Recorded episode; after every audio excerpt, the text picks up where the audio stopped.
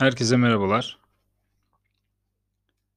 Bugün konumuz şu. Hem biraz algılarımızdan, bakış açımızdan bahsedeceğiz. Hem de alışkanlıklarımızdan bahsedeceğiz ama alışkanlıklarımız derken fiziksel şeyleri düşünmeyelim. Onları da düşünebiliriz gerçi. Çünkü öyle bir şey ki aslında bizim gün içinde yaptığımız bazı şeyler mental yapımızı da etkiliyor. Zaten bundan da bahsedeceğiz gerçi o yüzden şimdiden girmeyeyim. Yine bir hikayeyle başlamak istiyorum. Bu da çok sevdiğim bir hikaye. Hatta bunu başka bir hikayeyle de destekleyeceğim. Şimdi bir tane keşiş varmış. Bu bütün kurallara harfiyen uyan, işte efendim hiçbir canlıya zarar vermemeye çalışan, çok özen gösteren biriymiş. Bir gece yürürken bir şeye basıyor. Böyle yumuşak bir şey. Tabii gecenin karanlığı, ışık falan yok.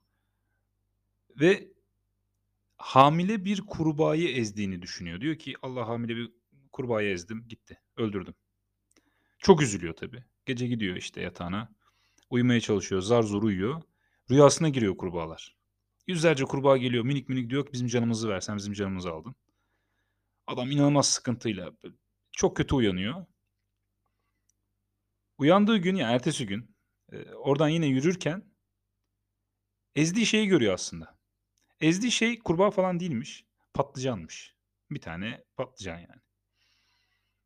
Tabii ondan sonra o hikayelerde hep bir aydınlanma vardır. Bir aydınlanıyor falan ama buradaki aslında olayımız şu bizim. Hatta birkaç anlam var burada. Bir tanesi benim en beğendiğim aslında ve günlük hayatıma uyarlamaya çalıştığım şey şu. Tırnak içinde gerçek dediğimiz şey aslında biz neye inanıyorsak o. Yani o gece uykusunda o insan için o bastığı şey kurbağaydı. Yüzlerce kurbağa öldürdü adam. Adam ona inanıyordu çünkü ve bu gerçek oldu onun zihninde. Yani bizim bakış açımızla gerçek olmaması değil, onun için gerçek olması onun da zihnini etkiliyor. Zaten olay burada başlıyor işte. Çünkü rüyasına da girmiş. Hani şöyle bir şey düşünmeyelim. İşte bir yönetici var. Sen yanlış yaptığında hani bilgisayarda olur ya tık işte mesela Word'de altını çizer kırmızı. Öyle çiziyor. Hayır. Siz o yanlışla yaşamaya devam ediyorsunuz. Daha doğrusu yanlış demeyelim de o perspektif, o algıyla. Buna benzer bir küçük hikaye daha var. Onda da şey vardır mesela kendimizde başımıza gelmiştir illaki. Gece karanlıkta ormanda yürürken yine örneğin yerde bir ip görüp onu yılan olarak düşünerek korkabilirsiniz. Bakın sizin korkunuz o ipin ip olması ya da yılan olmasıyla ilgili değil. Sizin onu ne gördüğünüzle ilgili. Dolayısıyla hissettiğimiz şeyler, yaşadığımız şeyler aslında bizim nasıl gördüğümüz ve nasıl inandığımızla alakalı. Şimdi bunu neden ben burasına çok önem veriyorum? Çünkü günlük hayatımızda bazı şeylere inanan insanlar görüyoruz ve diyoruz ki bu yanlış. Tamam yanlış ama o insan ona inanıyorsa eğer o onun için gerçek aslında. Yani ben kurbağa ezdim. Ertesi gün o patlıcan olduğunu görmeseydi o adam ömür ömrü boyunca bir kurbağa ezdiğini düşünecekti ve bunun için üzülecekti de üstüne üstlük. Dolayısıyla burada şuna dikkat etmemiz gerekiyor. Bir insanlara saygı duymalıyız gerçekten inançları konusunda her ne olursa olsun. Onu düzeltmek istersiniz istemezsiniz o kişisel bir şeydir. Ama eğer değiştirmek istiyorsanız da daha önceden konuşmuştuk. En iyi yöntem ona yanlışını göstermek falan değil. Çünkü öyle yaptığınız zaman defansa geçiyor karşınızdaki insan. En iyi yöntem sizin inançlarınızı özgürce yaşamanız ve ona örnek olmanız zaten. En azından stoik yol bu. Bu arada bu kurbağa hikayesine stoik bakış açısı da getirelim. Seneca'nın bir sözü var. O hep söylüyor. Olaylar değil de bizim hayallerimiz bize acı çektiriyor aslında diyor. Tabii ki bu şekilde söyleme. Ben biraz kendi kelimelerimi uyarladım.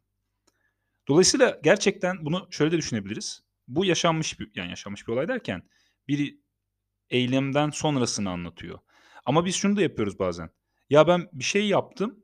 Bunun böyle böyle bir sonucu olacak kesin diyerek biz kendi hayatımızı o an zindana çevirmeye başlıyoruz. Seneca'nın da diyor. Bir dur diyor daha gerçekleşen bir şey yok. Sen neden geleceğe ya da neden geçmişe takılıyorsun? Sen şu anki şeye bak. Ki sen aldığın kararı da bu arada bencil nedenlerle almayıp etik bir şekilde aldıysan zaten sıkıntı yapacak bir şey yok. Şimdi bununla ilgili bir küçük hikaye daha anlatayım. Bugün hikaye, bol hikayeli oldu. Çok kısa ama. Bir gün yine bir tane keşiş, bugün keşişlerden gidiyoruz. Ama bu keşiş olmak zorunda değil. Bir, gün bir insan atına binmiş giderken bir arkadaş, onu görüp diyor ki, "Nereye gidiyorsun?" Adam diyor, "Bilmiyorum, ata sor." Buradaki at dediği de aslında şeyi sim yani tabii ki at atasoru değil. Alışkanlıklarını simgeliyor. Çünkü diyor ki hani benim aldığım karar falan yok. Alışkanlıklarım beni götürüyor bir yere. Şimdi bu yukarıdaki hikayeyle bunu bağlayacağız biz. Şöyle bağlayacağız. Diyeceğiz ki bizim alışkanlıklarımız bizim bir kurbağa ezdiğimizi mi düşündürtüyor bize sürekli? Ya da Seneca'nın dediği gibi her olayın ya bu kesin kötü olacak. Zaten ben çok şanssızım gibi bir şey mi düşündürüyor? Peki bu neden önemli? Şimdi oraya gelelim. Şimdi Aristoteles'in bir lafı var. Aslında bilindik bir laftır. İngilizce olarak çok geçer alıntılarda orada burada ama Türkçe pek denk gelmedi. Diyor ki mükemmellik pardon pardon yanlış girdim. İnsanlar yaptıklarıdır diyor. Dolayısıyla mükemmellik bir eylemden öte insanın alışkanlığıdır. Hatta Markus'u da şöyle oradan bağlayabiliriz. Hatırlıyor musun? Hatırlarız yani hepimiz. Markus okumuş herkes bilir. Ruhu oluşturan düşüncelerdir diyor. Oluşturan derken şekillendiren düşüncelerdir. Yani siz hatırlarsınız ben de besleme olarak söylemiştim bunu. Biz kendimizi neyle beslersek ona dönüşüyoruz. Şimdi isterseniz oturun 50 dakika boyunca bir vahşet izleyin televizyonda. Bakalım nasıl hissediyorsunuz? Çok basit bir şekilde. O da bir besleme. Görsel bir besleme o da. Ya da sadece çığlıklar açın. izlemeyin bir şey. Onları duyun. Bakın bakalım nasıl hissediyorsunuz? O da duy, artık duyma ile ilgili bir besleme. E bir de bunun tam tersini yapın. Mesela kahkahalar, kuş sesleri nasıl rahatlatıyor? Dolayısıyla biz neyle beslenirsek o an için konuşuyorum. O an için bizi şekillendiriyor aslında o. Bunu da eğer hayatımıza yayarsak karakterimiz o şekilde oluşuyor. Mesela ben kendim kendimden yaşadığım için biliyorum. Bu Sons of Anarchy diye bir tane dizi vardı. Ya dizi izleyince mutluluğum gidiyor benden. Bir şid böyle bir şiddet doluyorum. Sanki her şey ters bakmaya başlıyorum çünkü dizi de öyle biraz öyle bir dizi. Sonra dedim ki ya bu bana iyi gelmiyor. Ben kendimi boş boşuna burada hani gereksiz bir şekilde besliyorum. Dolayısıyla bu şekilde nasıl beslendiğimiz önemli. Şimdi bu Aristoteles bunu söylerken artık neler düşündü tabii bilmiyorum. Ama bizim davranışlarımız, düşüncelerimizle alakalı olduğu için bu davranışlarımız alışkanlığa dönüşüyor ve bu alışkanlık aslında bizi tırnak içinde iyi ya da kötü eylemlere itiyor. Dolayısıyla bunu neden söyledim? Bu at örneği ondan söyledim zaten at örneğini. Şimdi biz Seneca'nın anlattığı gibi yapıyorsak, biz bu keşişin kurbağa ezdiğini düşündüğü gibi düşünüyorsak sürekli ve bu bir alışkanlık haline geldiyse o zaman bu alışkanlık sürekli bizi yani bu at sürekli bizi karanlık bir yere götürüyor. Bizim yapmamız gereken en önemli şey şu bu aşamada. Bizim elimizde bir güç var. Bunu hep söylüyoruz. Bizim elimizde bir kuvvet var. Nedir bu? Hatta stoacılara göre en önemli güçlerden biri gördüğümüz şeyleri düşünebilme, onlar üstünde kafa yorabilme gücü. Onlar daha güzel açıklıyorlar ama tam çeviremedim açıkçası. Ama olay aslında şu. İşte bir olay yaptığında buna hangi açıdan bakabileceğinin kontrolü senin elinde. Bu Budizm'de de var aynı şekilde. Bakış açısı inanılmaz önemli bir şey. Ve bu bizim kontrolümüzde. Bir olaya nasıl bakacağımı, hangi çerçeveden bakacağımı, hangi gözlükle bakacağımı bunları ben seçebiliyorum. Bunları ben kontrol edebiliyorum. Hatta öyle bir şey ki bunu ben bu kontrolü benden alamıyorlar. Çünkü bana ne yaparsanız yapın hala bu güç benim elimde. Şimdi ben uygulayabilirim, uygulayamam bu farklı bir konu. Bu da ama yine Aristo ve Marcus'un dediğine geliyor. Ben kendimi bu alanda yetiştiriyor muyum ki? Çünkü bu da bir yeti aynı zamanda. Evet şöyle düşünelim. Doğuştan spora yatkınsınızdır ama hiç idman yapmazsanız elit derecede bir sporcu olamazsınız. Yeteneğiniz olsa dahi, böyle bir güce sahip olsanız dahi bunu geliştirmek için çaba göstermeniz, bunu tatbik etmeniz lazım. Bunu, çalı- bunu egzersiz etmeniz lazım. Dolayısıyla bizim kendimize geri, geri dönüp yapacağımız şu. Biz günlük hayatımızda bir, ilk hikayeden yola çıkalım. Yaptığımız bir şeyi sürekli kötüye mi yoruyoruz? Şimdi bunu sürekli yapıyorsak bu bir alışkanlık haline geliyor. O zaman bizim karakterimizi bu oluşturuyor ve mutsuz oluyoruz. O zaman burada bir kontrol edebileceğimiz bir şey var.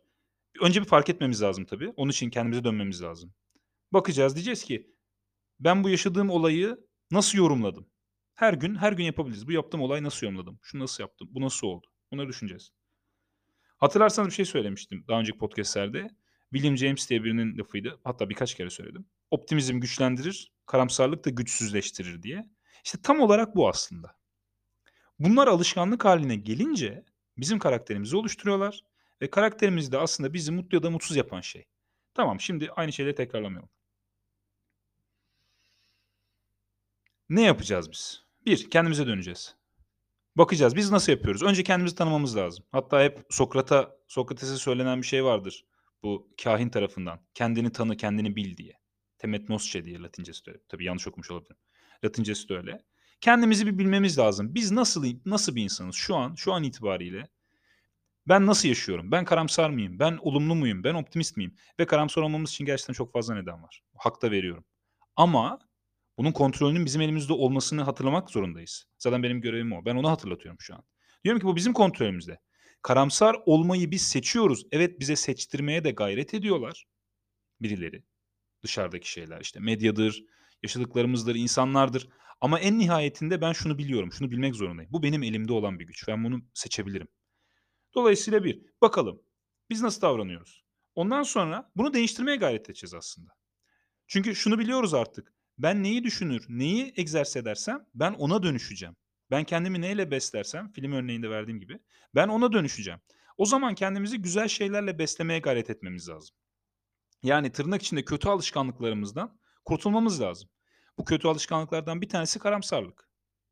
Hemen karamsar olduğumuzu hissettiğimiz an, anda şunu dememiz lazım. Her şey değişiyor. Hem Budizm'de hem Stoacılıkta, yani benim anlattığım bu konularda, o yüzden bu ikisini örnek veriyorum. Her şeyin değiştiği söylenir. Dolayısıyla bu kötü günlerde değişecek. Ha, güzel günler gelince onlar da değişecek. Yani bir döngü var, orada sorun yok. Ama o değişimin de değişeceğini biliyoruz. Sonuçta biliyoruz ki her şey bitecek. Ve bunu, ben bunlara dayanabilme gücüne de sahibim. Dolayısıyla ben karamsarlaştığım kendime bunu hatırlatmak zorundayım.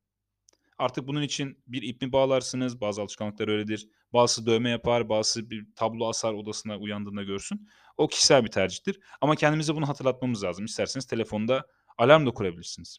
Alarm işte ara sıra çalar der ki her şey güzel olacak mesela. Çünkü yani her şey yoluna girecek ya da. Çünkü bu, buna ihtiyacımız var. Yani hatırlamamız gerekiyor. Bizler makine değiliz. Biz insanız. Karamsarlık da yapacağız. Düşeceğiz de yeri geldiğinde ama buradan kalkmasını da bilmemiz lazım. Ve bunu da kendimize şimdiden hatırlatmak için harekete geçelim. İşte alarmdır. Biraz önce söylediğim şeyler, bu örnekler yapılabilir.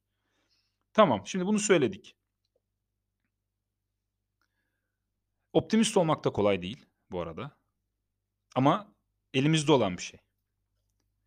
Peki, optimist olmayı kenara koyalım.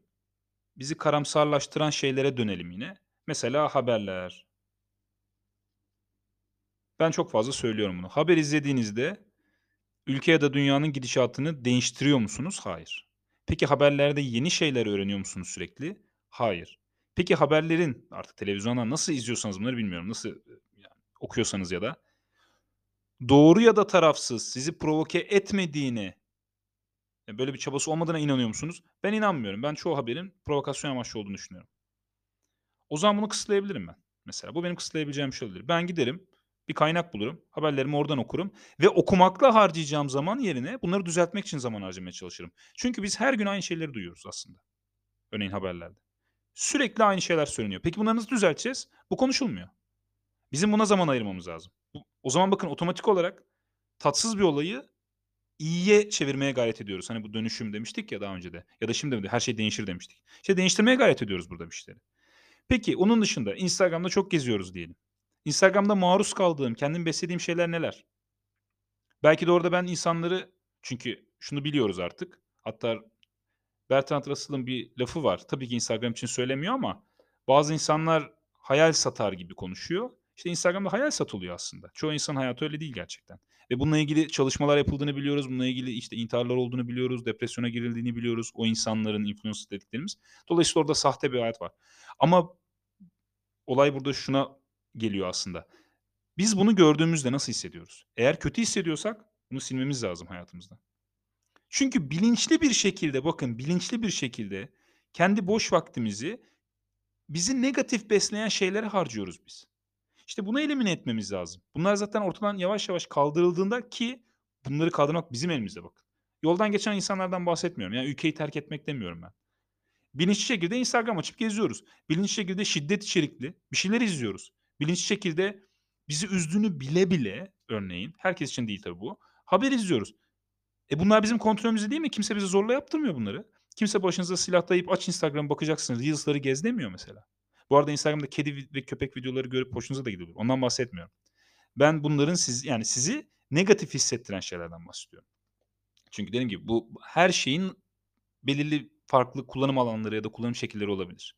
Burada herhangi bir program, herhangi bir uygulamanın, şeyini yapmıyorum. Ne avukatlığını ne de yermesini yapmıyorum. Öyle bir şey değil. Ama bizi negatif beslediğini düşündüğümüz şeylere ara vermemiz lazım. Buna biraz zaman ayıralım. Bir özetleyelim o zaman şimdi. Hikâyede şunu söyledik aslında. Dedik ki gerçeklik dediğimiz şey aslında bazen bize özgü. Çünkü biz bir şeyin olduğuna ya da olmadığına inandığımızda bizim için o var ya da yok. Dolayısıyla bizim için böyleyse başkaları için de böyle ve bu bizim onlara daha saygı göstermemizi de sağlayabilir. Saygı dediğim şey de anlayış burada. Yoksa zaten saygısızlık yapmamalıyız. Bu arada şunu diyebilirsiniz, ya adam deftere inanıyor mesela. E, o onun tercihi. Yalan söylüyor da olabilir. Doğru söylüyorsa da o onun tercihi. Bizi ilgilendirmiyor. O inancının sorumluluğu ona ait. Onun sonuçlarını, yaptığı eylemlerin sonuçlarını o yaşayacak. Biz yaşamayacağız. Bizim görevimiz neydi? Evet yardım etmek ama o yardımı ona doğruyu al işte doğrusu bu sen yanlış yapıyorsun. Bu, bu yardım değil.